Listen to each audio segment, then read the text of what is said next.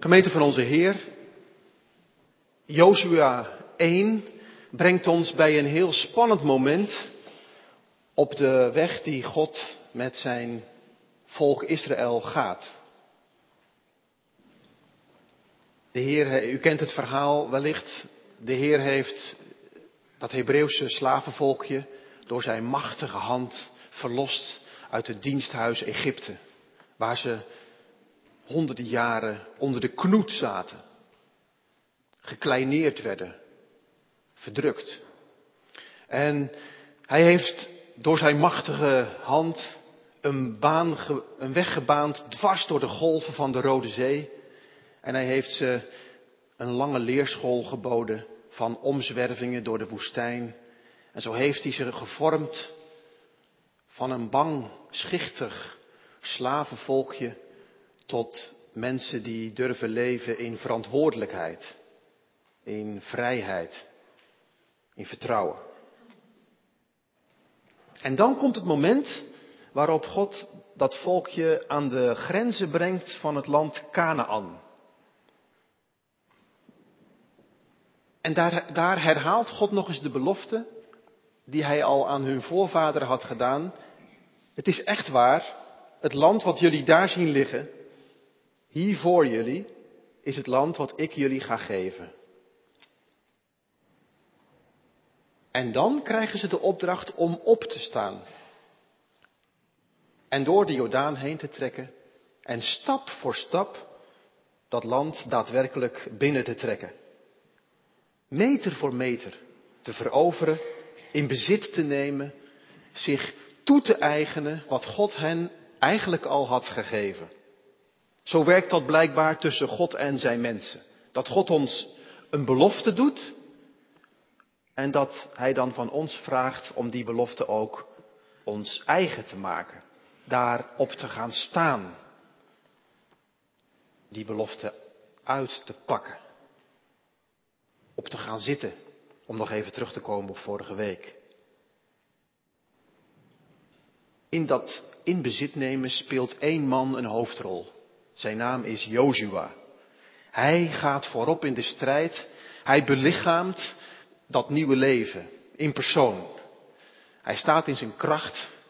Hij leeft van vertrouwen en gehoorzaamheid. En hij bouwt een machtige naam op. Jozua. God redt. Aan die naam trekt het hele volk zich op. En die naam boezemt tegenstanders en vijanden angst in. Wekt respect op. Jozua. Van hem lezen we in Jozua 6. Zo was de Heer met Jozua en zijn roem ging door het hele land. Jozua. God redt. In Efeziërs 1 komen we een soortgelijk proces tegen. Vorige week hebben we gezien dat Paulus al die zegeningen opsomt, die beloften die God heeft gedaan en gerealiseerd. Al die rijkdommen in vers 1 tot en met 14, vooral vers 4 tot en met 14. Gods etalage. En dan proef je in wat, het stuk wat we vanmorgen bij de kop pakken, een sterk verlangen dat die Efeziërs toen en wij nu ook echt gaan zien hoe rijk we zijn.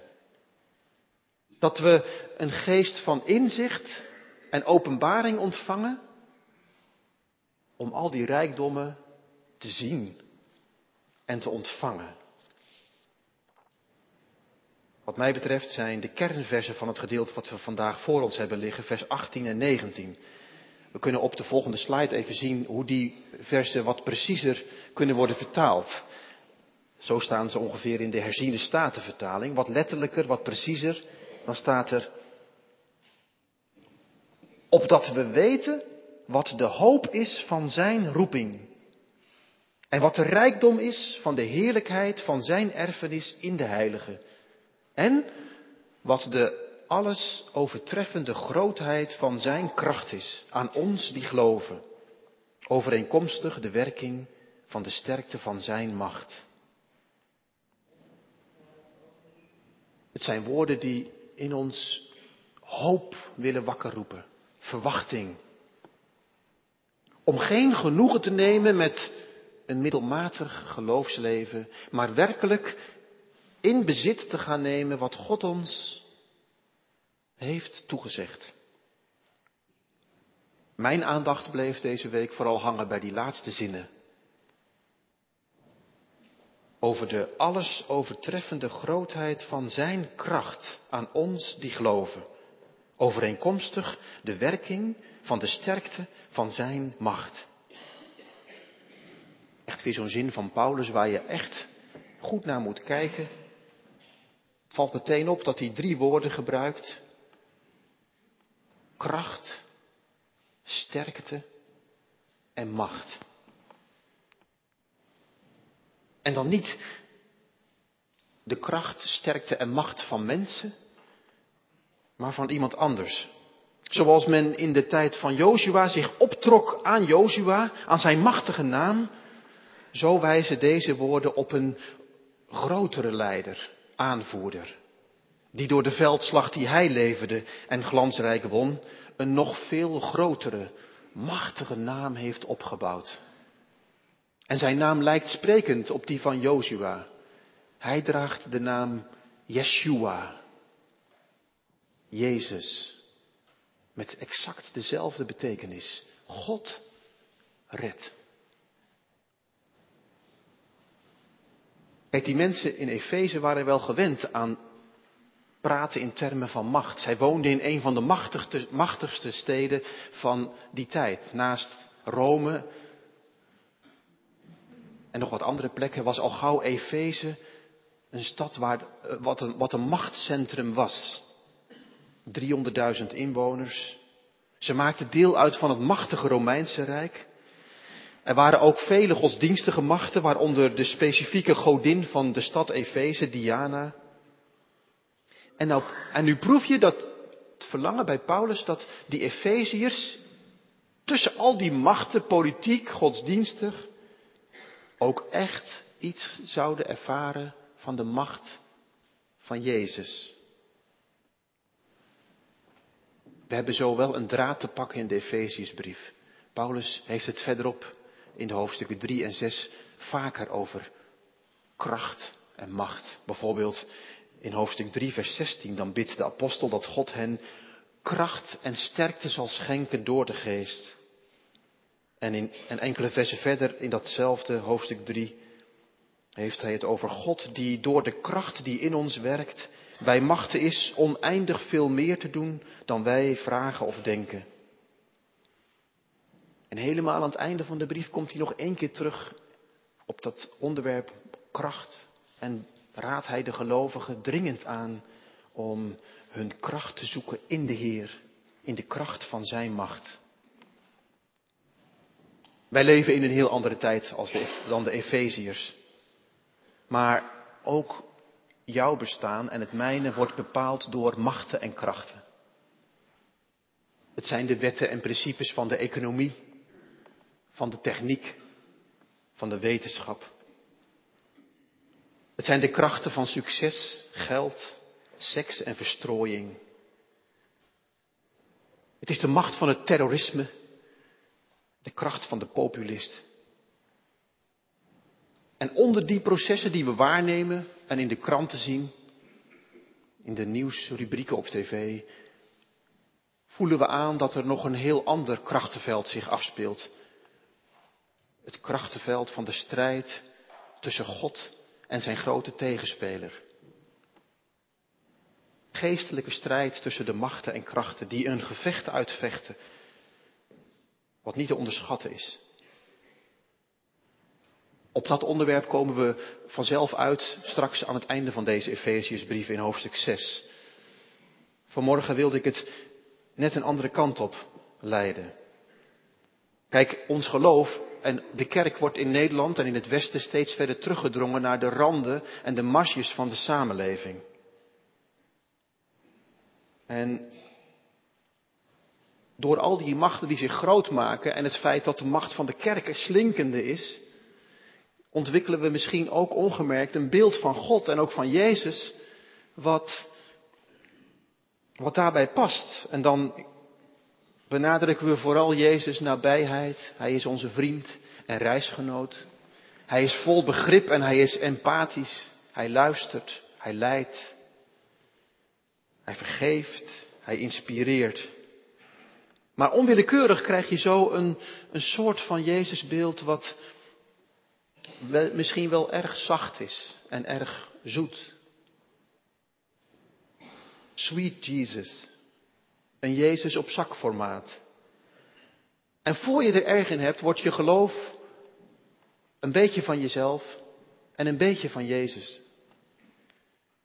Maar in de Efeziërsbrief komen we een ander beeld tegen van Christus. Jezus gebruiken we vaak voor de persoon die op aarde leefde. Maar Christus is zijn naam die hij draagt met eer en met overtuiging nu hij aan de rechterhand zit van de Vader. En alle macht heeft gekregen, daarboven en hier beneden. Het is het beeld van een zeer krachtige, sterke Christus. En die kom je in het hele Nieuwe Testament volop tegen. In 1 Corinthians 4 wordt Jezus zelfs met zoveel woorden de kracht van God genoemd. Dat is een naam van Jezus. De kracht van God die doorbreekt en doorbrak in een wereld vol duisternis, vol machten en krachten, vol ziekte, zonde en dood. En in het, als je de evangelie nog eens terugbladert en je gaat ze nog eens lezen vanuit het perspectief van kracht, dan zie je dat vanaf het begin het woord kracht valt in het leven van Jezus. Als hij gedoopt is, keert hij terug naar de woestijn in de kracht van de geest, staat er. Je leest er soms zomaar overheen. Jezus legt demonen het zwijgen op, hij geneest en bevrijdt zieken. En steeds staat er dan bij, door de kracht van de geest. En mensen die Jezus meemaken, van hen lees je keer op keer dat ze versteld staan om zijn wijsheid in zijn onderwijs en de krachten die hij doet. Er gaat van Jezus power uit, kracht, in woorden en in daden. En diezelfde kracht geeft Jezus mee aan zijn leerlingen als hij hen de handen oplegt en zegt, gaan jullie nu op weg en verkondig het koninkrijk. In mijn machtige naam. En overal waar die machtige naam van Jezus klinkt, God redt. Daar slaan demonen op de vlucht. Daar worden gebogenen opgericht. Daar worden melaatsen genezen. Staan doden, staan doden op. Hun optreden gaat vergezeld van tekenen, wonderen en krachten. Mensen worden in de ruimte gezet en mogen weer zijn die ze, die ze zouden moeten zijn. Dansen, huppelen door de straten. God redt. Yeshua, Jozua. Als je doorbladert in het boek Handelingen, kom je keer op keer die combinatie tegen. Het evangelie klinkt in woorden en God is erbij met kracht. Zo was het ook bij Paulus. Hij zegt in 1 Corinthians 2, mijn spreken en mijn preken kwamen niet met meeslepende woorden van wijsheid, maar met betoon van geest en kracht. Opdat uw geloof niet zou rusten op wijsheid van mensen, maar op kracht van God. Ik vroeg een keer aan mijn mentor, predikant in Dordrecht toen, Die had de gewoonte om onderaan de kansel, het preekstoel, altijd even een half minuut stil te zijn en te bidden. En ik vroeg hem, wat bid je nou eigenlijk als je daar staat? En die man was zeer begaafd. Hij had veel woorden, veel humor. Mensen hingen aan zijn lippen. En hij zei, Jaap, ik bid iedere zondag onderaan de kansel. Heer, geen ijdel verhaal van woorden, maar betoning van geest en kracht. In Jezus' naam. En Paulus zegt vanmorgen, die kracht die in mij werkt en die Jezus uit de doden heeft opgewekt, die kracht is ook in jullie werkzaam, in Efeze en in Lunteren. Weet je, soms kwam Jezus op een plek waar zoveel sepsis was, zoveel gereserveerdheid, dat hij die kracht niet kon uitoefenen. Zijn geboorteplek was zo'n plek. En dan was hij daar en dan voelde hij bij de mensen zoveel gereserveerdheid, zoveel wegduiken, zoveel angst, zoveel wat in de weg staat, dat we lezen, en hij kon daar geen krachten doen. Maar op andere plekken kon hij zoveel van zichzelf kwijt. Ik kom wel eens mensen tegen die naar een vrouwendag zijn geweest of naar een mannendag, naar een uh, christelijk festival, naar een conferentie. En dan komen ze terug en dan, zeggen ze, en dan vragen ze aan elkaar, dan vraag ik aan zo iemand, hoe was het? En dan zeggen ze eigenlijk, en u kent dat gevoel misschien wel, wauw, er was zoveel van God op die paar vierkante meter. Eerlijk gezegd is de wereld zo'n plek hier in Lunteren.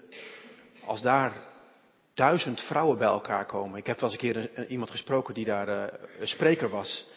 En, en die zei, ja, ik heb tegen die vrouwen maar gewoon eerlijk gezegd, uh, moet je luisteren, God werkt niet in de wereld, in, de, in het gebouw, de wereld op een vrouwendag, meer dan die werkt in jouw kerk. Maar weet je wat nou het verschil is? Hier komen duizend vrouwen met een hele specifieke hoge verwachting. Of mannen. En die verwachting, die, dat gezamenlijke opgebouwde vertrouwen van die mensen in die groep, dat schept ruimte voor God om krachtig aanwezig te zijn. En ik vroeg me deze week echt af, en ik wil die vraag aan u ook geven. Is de Maranatenkerk in Lunteren, is onze gemeente zo'n plek? Is dit een plek, is dit een, is dit een zone waar Jezus zijn krachten kwijt kan? Dat heeft alles te maken met u en met mij. Met de verwachting waarmee je elkaar opzoekt in de samenkomst. Of op een kring. Of waar je in de gemeente elkaar ook maar tegenkomt. Zoek je vooral een fijne dienst, een goed gevoel, mooie woorden, platen, fijne muziek, goede organist, fijne temperatuur, beetje koffie en een koekje. Of is er een dieper verlangen dat je echt verlangt naar de werkzame kracht van God? Dat woorden geladen worden met opstandingskracht en impact hebben op je leven. En door jou heen op het leven van anderen. Heer, geen ijdel verhaal van woorden, maar betoning van geest en kracht.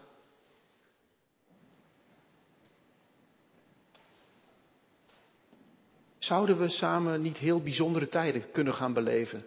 Bij alle goeds wat er nu al is. Hè? Paulus begon deze lezing met te zeggen, ik dank God elke dag voor jullie liefde en geloof. En dan zegt hij dit. Ik zou het ook willen zeggen, we hebben met elkaar veel goeds. Er is veel warmte. Er is veel om God elke dag dankbaar voor te zijn in onze gemeente. Maar zouden we niet een heel bijzondere tijd kunnen gaan beleven? Als we net als op een vrouwendag of een mannendag of een opwekkingsfestival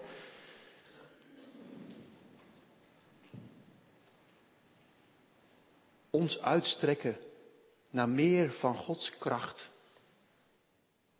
in zijn machtige naam. Kracht om werkelijk bevrijd te raken van dat wat je al zo lang beknelt en naar beneden duwt, in de weg zit. Om te hopen, te geloven en lief te hebben. Kracht misschien ook wel als God het wil om je te verlossen van een kwaal. Geestelijk, lichamelijk. Om te helen wat in ons leven ziek is. En ons, ons al te lang in de weg staat. Kracht om ook met bezieling en overtuiging het kruis te dragen als, als je toch door een donker dal moet. Van ziekte, van gebrokenheid, van teleurstellingen. Kracht om dan met overtuiging en bezieling dat kruis te mogen dragen. Als de weg anders gaat dan je had gehoopt. Kracht om met vrijmoedigheid je geloof uit te dragen. uit te leven op je werkplek, in je buurt, in je familie. Beste vrienden, Joshua en de zijnen stonden aan, aan de grens van een veelbelovende tijd. Maar die kon alleen beginnen als zij bereid waren die stap te zetten en in bezit te gaan nemen wat hen was toegezegd. En Jezus heeft sindsdien zijn sporen getrokken door deze wereld. En overal waar Hij aanwezig is, is Zijn kracht ook aanwezig. Door heel de geschiedenis heen hebben mensen Zijn kracht ervaren. Ook binnen onze gemeente hoor ik daar verhalen van. Hij is de levende, Hij is de machtige. En Hij wil dat zo graag laten zien. In deze gebroken wereld, die geteisterd wordt door allerlei machten en krachten. Die moeten sidderen als Zijn naam gaat klinken. En hij zoekt in iedere tijd jongens en meisjes en mannen en vrouwen die net als Joshua die eerste stap zetten. Ik vind dat een spannend moment eerlijk gezegd. Want ja, dan zet je je sandaal in de Jordaan en door de Jordaan in het zand van Canaan en je weet niet wat er gaat gebeuren. Je weet alleen dat God je belooft zijn kracht te laten zien. Bent u, ben jij ben ik bereid om die stap te zetten. Die hand uit te steken. En die kracht van God in uw leven meer ruimte te geven. God zoekt geen godsdienstige helden, geen religieuze hoogvliegers. Hij zoekt mensen die het geleerd hebben. Heer, als het van mijn wilskracht moet komen en mijn goede bedoelingen, dan blijft het maar zo'n beetje voortkabbelen. Maar welzalig hij die al zijn kracht en hulp alleen van God verwacht. God zoekt in iedere generatie Jozua's die de stap zetten. En die in bezit gaan nemen wat God belooft. Opstaan en in vertrouwen gaan als kategeet, als pastoraal medewerker, als ambtsdrager, als kringleider, in gesprekken onderling, in uw werkplek, als vader, als moeder, als student op een hogeschool, net begonnen met je nieuwe baan.